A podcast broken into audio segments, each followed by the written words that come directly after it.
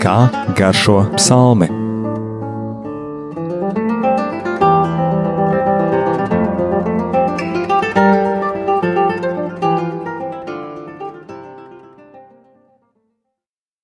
Slavēts Jēzus Kristus. Mūžīgi mūžos slavēt.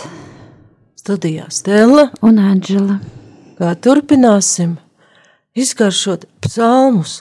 Iepriekš skatījāmies varbūt bez tādas ciparu secības, vairāk gudrības, slavēšanas psalmus, bet iesākoties gavēnim, pievērsīsimies psalmiem, kas runā par cilvēka ciešanām, par netaisnību, par ļaunuma noslēpumu, kas ir izbrīnījis cilvēkus ļoti, ļoti sen. To mēs varam atrast, ka cilvēki ir redzējuši, ka pastāv šis ļaunums un mēģinājuši saprast, no kurienes, kāpēc, ka par to runājas arī ķēniņš Dāvids, Par to mēs lasām arī īņķa grāmatā un vēl daudzos citos tekstos. Pirmkārt jau to redzam apkārt, un tas reizēm var cilvēkiem ar attīstītu taisnīguma izjūtu, un arī kas ir e, iedziļinājušies dieva noteiktajā kārtībā, tādu kā protestu un niknumu, kāpēc tas tiek pieļauts, ka tas ļaundars, kas to nabadzīgo iznīcina, pazemo, dara blēdību, nu re viņš trekni dzīvo, viņam viss ir, viņam ir labklājība. Nu kā niera taukos, nu vai tad Dievs guļ un neredz? Un pie šiem jautājumiem mēs jau varam lēnām iet klāt un sākt ar tiem nodarboties, jo līdz galam mēs to saprast nevaram, jo mūsu redzēšanā nav dieva apredzība. Lasīsim desmito psalmu. Un latviešu tūkojumā viņš ir nosaukts kā palīdzības sauciens pret bezdievīgiem varmākām. Un krievu tūkojumā nekļūtos viņš bija devītais. Jā. Jā, tā kā tur bija drusciņi e, atšķirās numerācija. Un latviešu tūkojumā pat nav pateikts, ka tieši Dāvids varētu būt autors, bet nu pieņemsim tomēr, ka tas ir ķēniņš Dāvids, jo varbūt kādā tulkojumā būs uzrādīts, ka jā, citā ka nē, un tepat nav pateikts nekorim dziedātāju vadonim vai kam, bet psalmists uzreiz uzdod dievam, nu, tādā pat ījaba tiešumā, var teikt, bezkalnībā. Kāpēc tu, kungs, tu, tu esi tik tālu? Kāpēc tu esi apslēpies bēdu laikā? Psalms, kas sākās ar jautājumu, nevis ar norādījumu, kā tas būtu dziedams.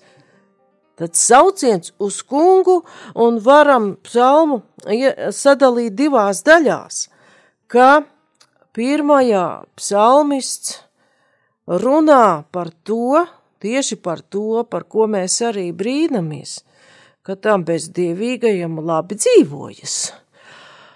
Un runā par to, ko viņš dara un kāpēc dara. Bet 14. pants iezīmē jau tādu lūzumu un nedaudz paskaidro, kāpēc varētu būt no dieva puses tāda ilga gaidīšana, it kā pieļaušana, ka tas bezdievis un bezdievis dzīvo ļoti labi, bet psalmists, varam pieņemt, ka tas tiešām bija Dāvids, saka tā, bet tu gan redzi postu un sirdēstus, tu vēro brīdi, kad pārņemt visu to savās rokās. Uz tevi raugās nelaimīgais un vājais, kas paļaujas tavai apsardzībai, un tu esi palīgs vārim. Tā tad ķēniņš, acīm redzot arī no savas dzīves, jo pēc dažu bībeles pētnieku domām šo psalmu viņš varētu būt radījis tādu, ka bēga no saula, Un viņš pats ir daudz piedzīvojis netaisnības un cilvēku uzbrukumus, bet viņš redz, ka dievam ir savs laiks, kad sākt rīkoties, grieķu valodā šo labo pieņemīgo laiku, kad iestājas dieva rīcības brīdis, sauc par kairos, īstais laiks, kad dievs sāk darboties.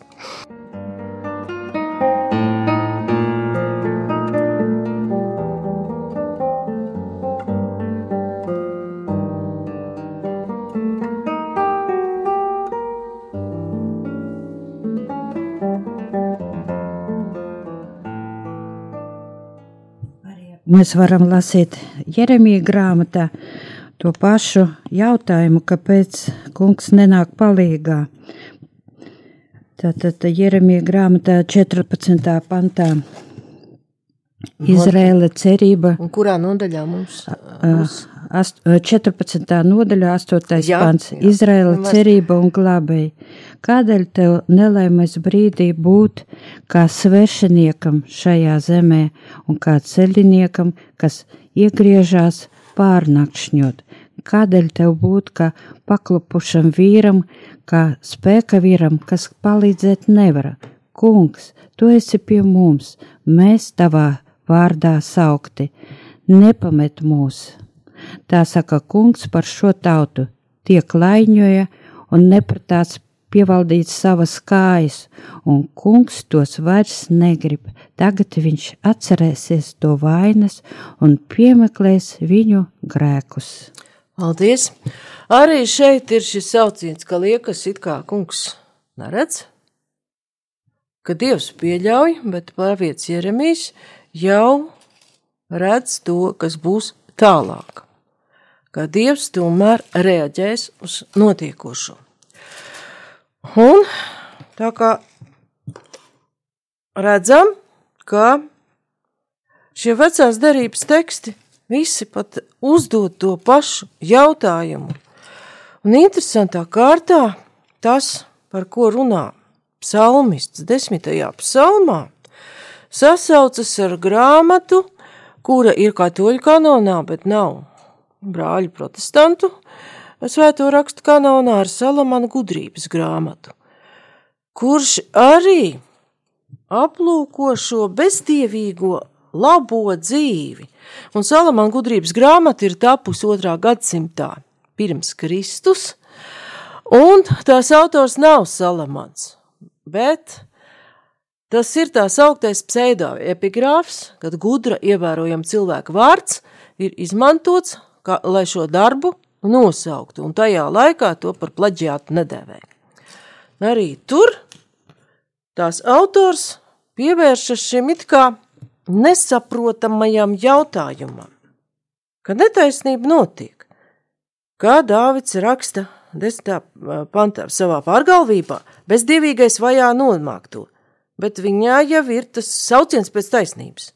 Jo teikuma otrā pusē lasām, kaut viņi paši sapītos savos blēņu padomos, ko tie izdomājuši, jo bezdievīgais plātās ar savām nekautrīgām iekārēm un pagaidu plēsējas lielās ar savu ieguvumu, arvien vairāk atraudamies no tā kunga. Bezdievīgais savā lepnībā nebēdā ne par vienu, visas viņa domas ir, dieva nav, joprojām viņš sekmīgi turpina savu rīcību. Un tava soda tiesa ar vienu paliek tālu no viņa. Šņāgdams viņš vēršas pret saviem pretiniekiem, viņš domā savā sirdī, es nekad neklupšu, un nekad nelaime nenāks pār mani. Dāvids redz šo bezdievi, šo pašpārliecināto cilvēku, kā tādu, kurš pats jūtas kā dievs, ka viņš visu kontrolē. Viss ir viņa noteikšanā un viņa varā. Un kā gudrības, Salamana gudrības grāmatā ir rakstīts, apspiedīsim netaisni, taisnīgo nabago, atraitni nesaudzēsim, neņemsim sirmgalli vērā. Un Salamana gudrības grāmatas autors vēl precīzāk raksturo to netaisnīgo, pa kuru runā psalmists. Bet mūsu spēks, lai top par likumu un taisnīgumu, jo neliederīgs izrādās ir nespēks. No slēpņa uzglūdēsim taisnajam. Viņš ir par apgrūtinājumu, pretojas tam, ko darām, par pārkāpumiem peļ, ka likumu mēs neievērojam, un pārmet mums, ka grēkojam pret to, kā esat audz, esam audzināti. Es arī varētu izlasīt no Svētā Augustīna grāmatas atzīšanās, piektās grāmatas par lepnējiem, ko raksta Svētais Augustīns. Jo liels tu esi kungs un pamani pazemīgo, bet augstprātīgo pazīsti no tālienes. Tu pietuvojies tikai tiem, kuriem ir salauzta sirds, bet lepnie tevi neatrod pat tad, ja zinatkāri un lietprātīgi spētu saskaitīt zvaigznes un smilšu graudus, izmērīt spīdekļu plašumus un izpētīt zvaigžņu ceļus. To visu viņa meklē ar savu prātu, un spējām, ko tu viņam esi devis. Daudz ko viņi ir atklājuši un jau daudzus gadus iepriekš pavēstījuši. Kurā dienā, kādā stundā būs saules vai mēnesis aptumsums, un vai tas būs daļējs vai pilns.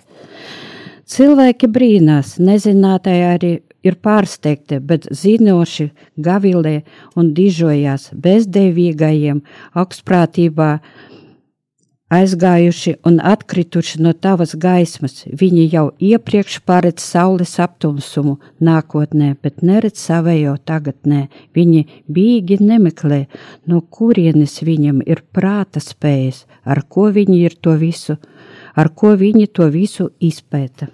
Paldies! Kā diezgan izvērts Svētā Augustīna komentārs par vienu no nāves grēkiem - lepnību. Un kur tad tas āķis ir? Un var teikt, vai tām prāta spējām ir kāda vaina un kas ir slikts no zināšanām. Labi, izglītība taču ir ko vērts, tu vari labu darbu dabūt. Bet nelaime sākas tad, jo, kā raksta Augustīns, ja cilvēks aizmirst, no kā viņš tās prāta spējas ir dabūjis, tās zināšanas, un arī to labo darbu. Un par to mēs varam lasīt, kā tas viss ir noticis. Jau radīšanas grāmatā, trešā nodaļa, piektais pants, kad kārdinātājs saka cilvēkam, bet Dievs zina, ka tanī dienā, kad jūs no tā ēdīsiet, jūs acis atvērsiet un jūs būsiet, es vēlreiz atkārtoju, jūs būsiet kā Dievs, zinādami labu un ļaunu.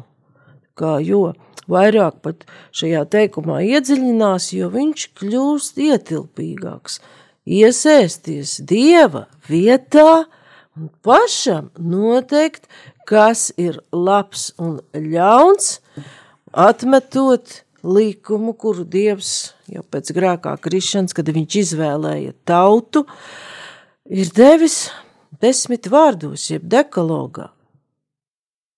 Un tālāk jau mēs varam saprast, ka, ja jau cilvēks ietrausās dieva vietā, tad ir ērti teikt, ka dieva uh, nav, un viņš var rīkoties nesodīti, pārkāpjot kunga likumu, jo šeit mēs redzam, uz kādu likumu pat tiek teksts virzīts, mēs vairākas reizes redzam minētu nabago.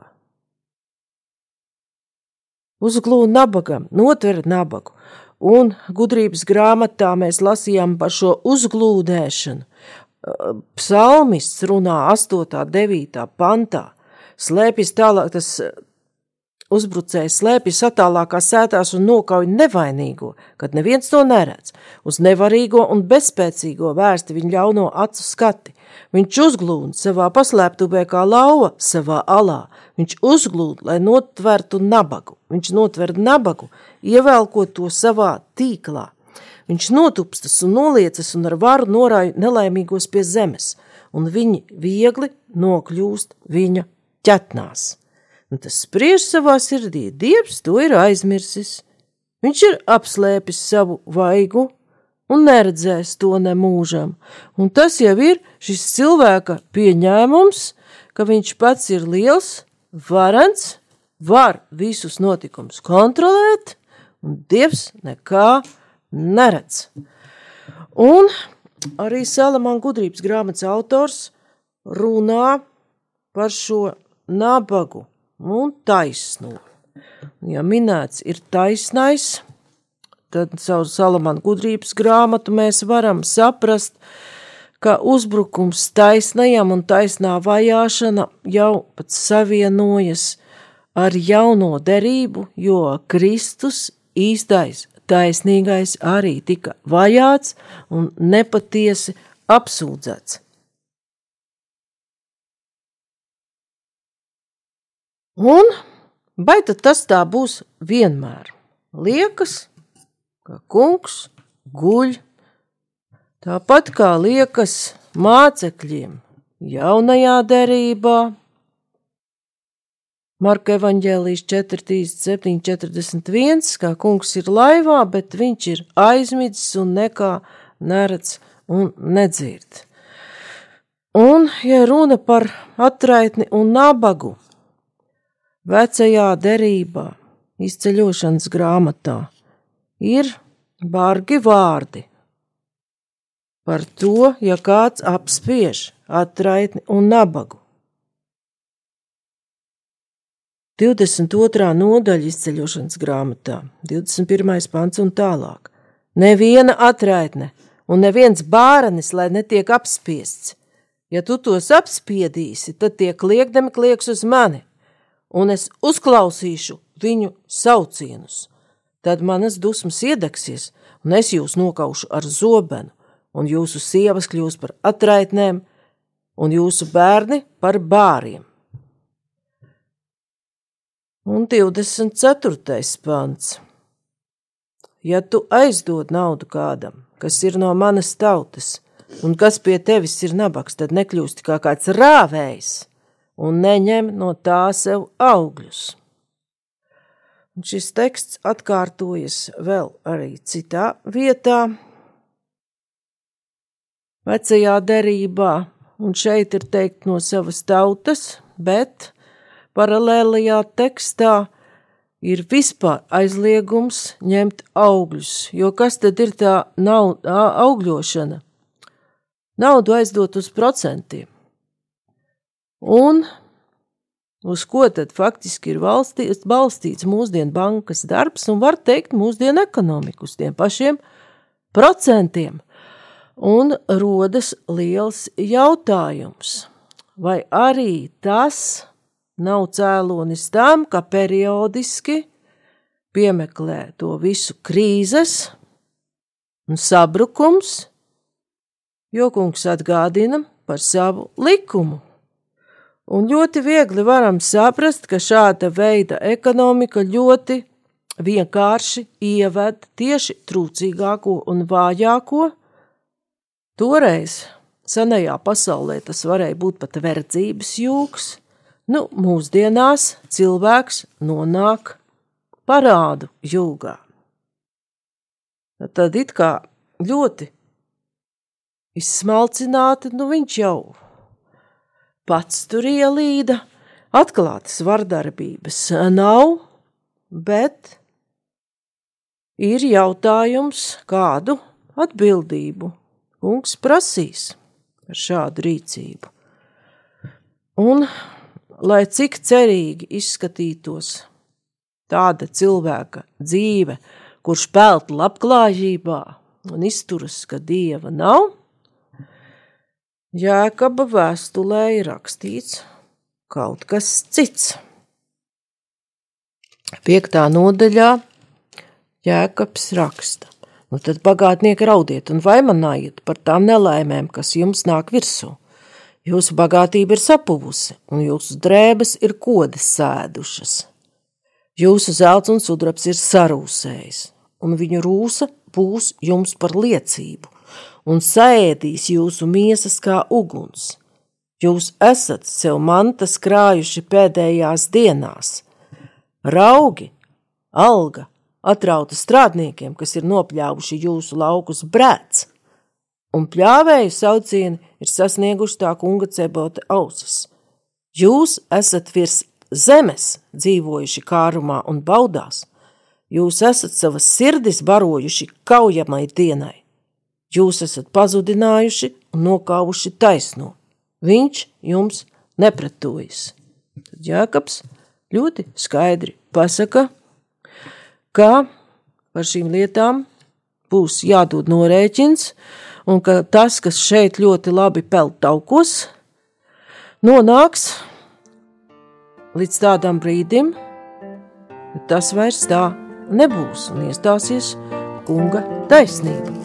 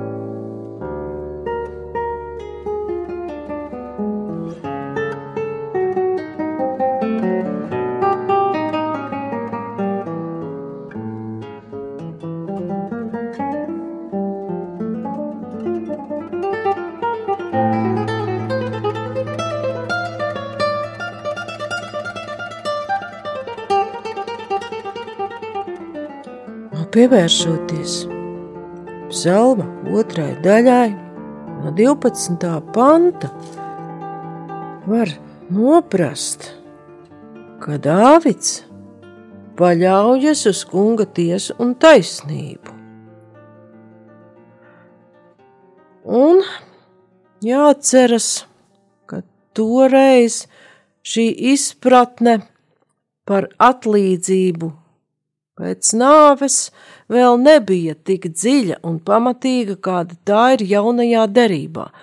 Vecā derībā vairāk cilvēks bija orientēts uz to, ka Dievs viņam atlīdzina pa labu dzīvi jau šajā saulē, tieši ar to, ka viņam ir labi, ka Dievs par godīgu un par likumu turēšanu atlīdzina ar ilgu mūžu, ar turību Un Salamana gudrības grāmatā jau šī lieta sāk nedaudz mainīties. Tās autors lēni, pamatīgi sāka mainīt šos priekšstatus.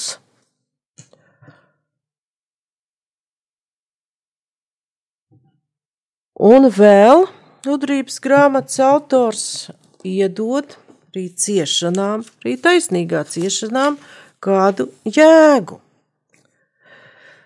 ka tās ir kā dieva pedagoģija. Trešā nodaļa, piektais pants, Salamana gudrības grāmatā. Mazliet pārmācīt, audzinot, tie lieliem labumiem tiks apveltīti, jo dievs tos izvērtējis, atzina par sevis cienīgiem, kā kausējamā krāsnī zeltu viņš tos pārbaudīja un pieņēma kā pilnu pura ziedojumu tie, kungam ierodoties. Atmirdzēs tie būs dirkstis, kas skries caur pelavām, tie tiesās tautas un valstis valdīs, viņš, viņu ķēniņš mūžu mūžos būs kungs. Šis teksts jau pat nedaudz atgādina Jāņa atklāsmes grāmatu par šo valdīšanu kopā ar Dievu viņa valstībā. Jo vecās darības izpratnē arī šī dzīve pēc nāves noritēja Šeolā, un pēc tiem šeola aprakstiem nu, pārāk simpātiska vieta tā nebija.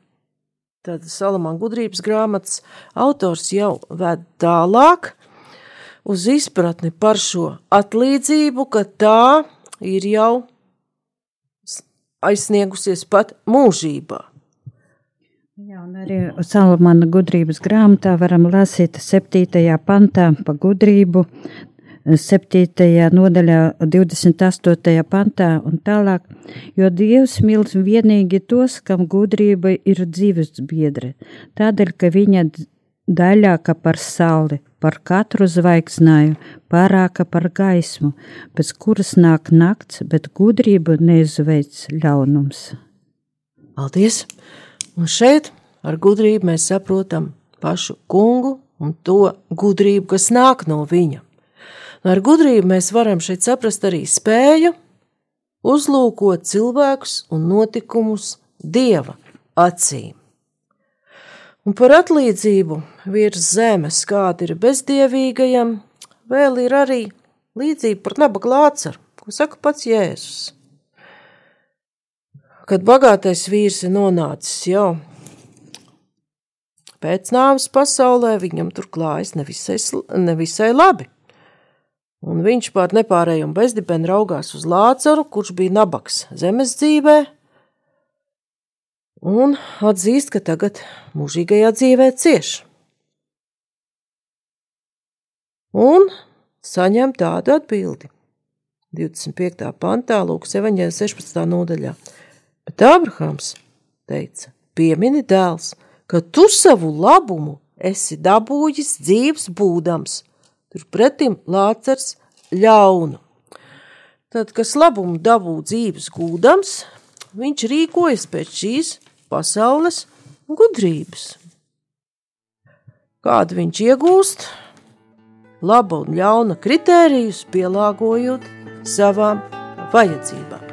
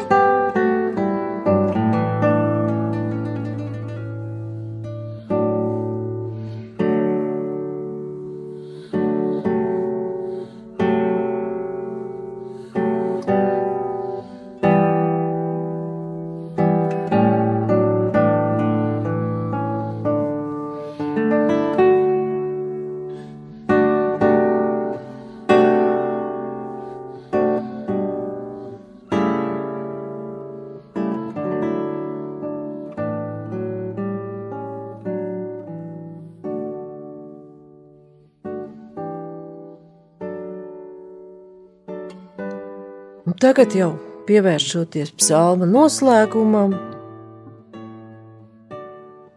mēs redzam, ka tā autors uzticas dievam un viņa tiesai.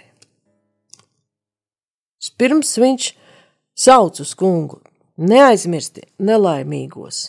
Kāpēc, lai bezdievīgais noniecina dievu un spriež savā sirdī, tu pēc tā nekad nejautāsi? Un tad 14. pantā psalmists runā par to, ko jau minēju, ka tu gan redzi postu un sirdsēdus, tu vēro brīdi, kad pārņemt visu to savās rokās. Dievs gaida īsto brīdi. Un kāpēc viņš dažkārt dod tam bezdievim un ļaundarim tik milzīgi daudz laika? Lai viņam arī būtu iespēja atgriezties, mainīt savu kursu pa 180 grādiem un atcerēties par kunga likumu.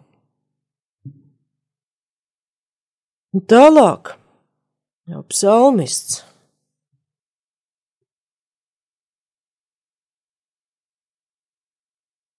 Runā tādām dažām lietām, kas ir ļoti svarīgas. Uz tevi raugās nelaimīgais vājais, kas paļaujas tavai apsardzībai, un tu esi palīgs bārim. Tātad to bāri no atraitni apsargā pats Dievs, jo, kā mēs lasījām izceļošanas grāmatā par nodarījumu viņiem, Dievs īpaši pievērš uzmanību.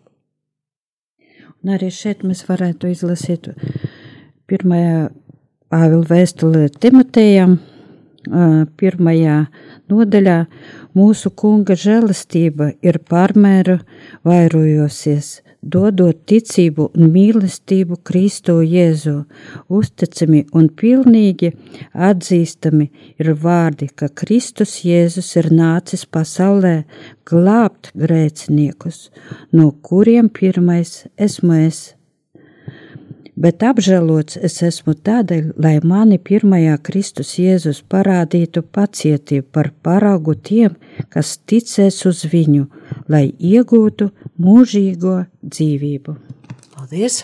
Šajā Timotē tekstā mēs skaidri redzam vārdus mūžīgā dzīvība, arī to, ka Dievs vēlas glābt visus Un psalmists psalma pēdējā, pēdējos pantos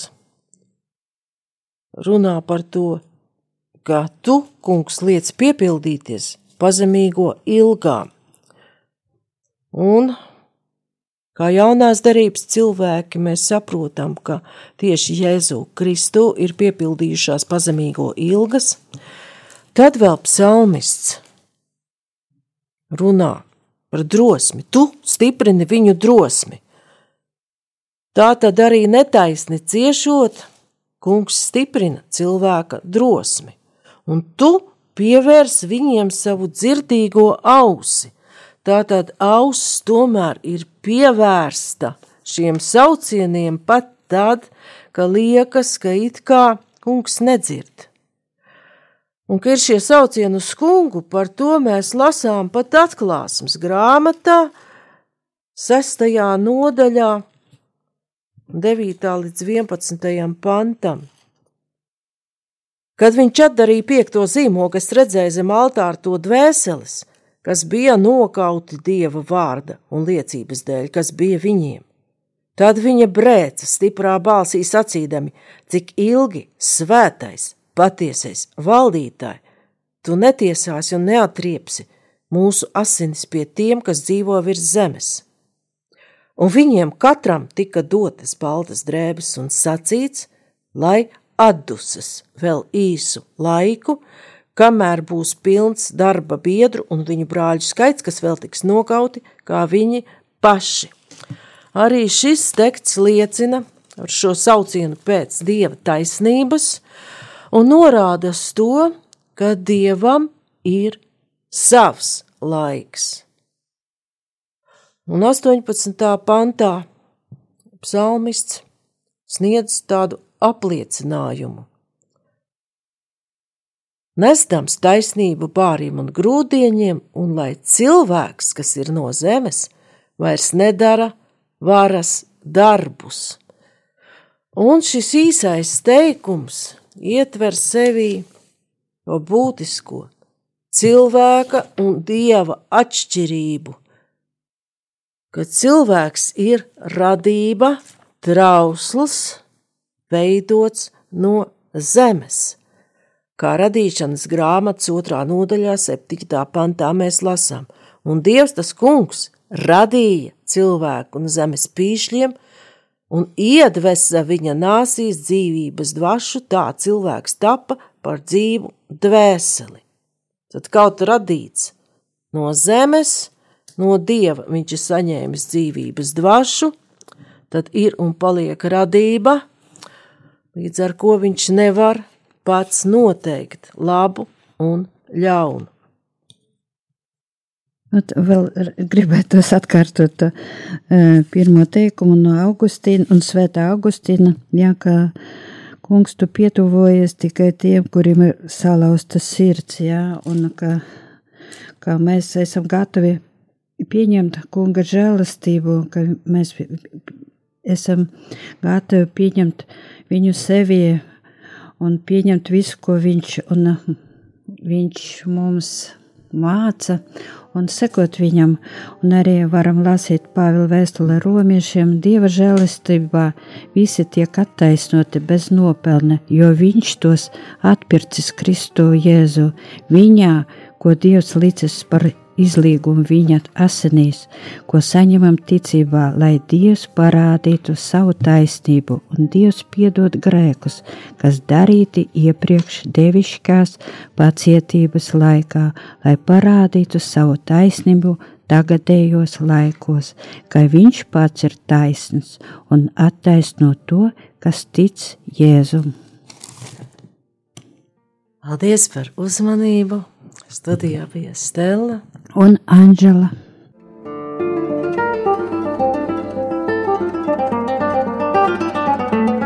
Kā garšo psalmi?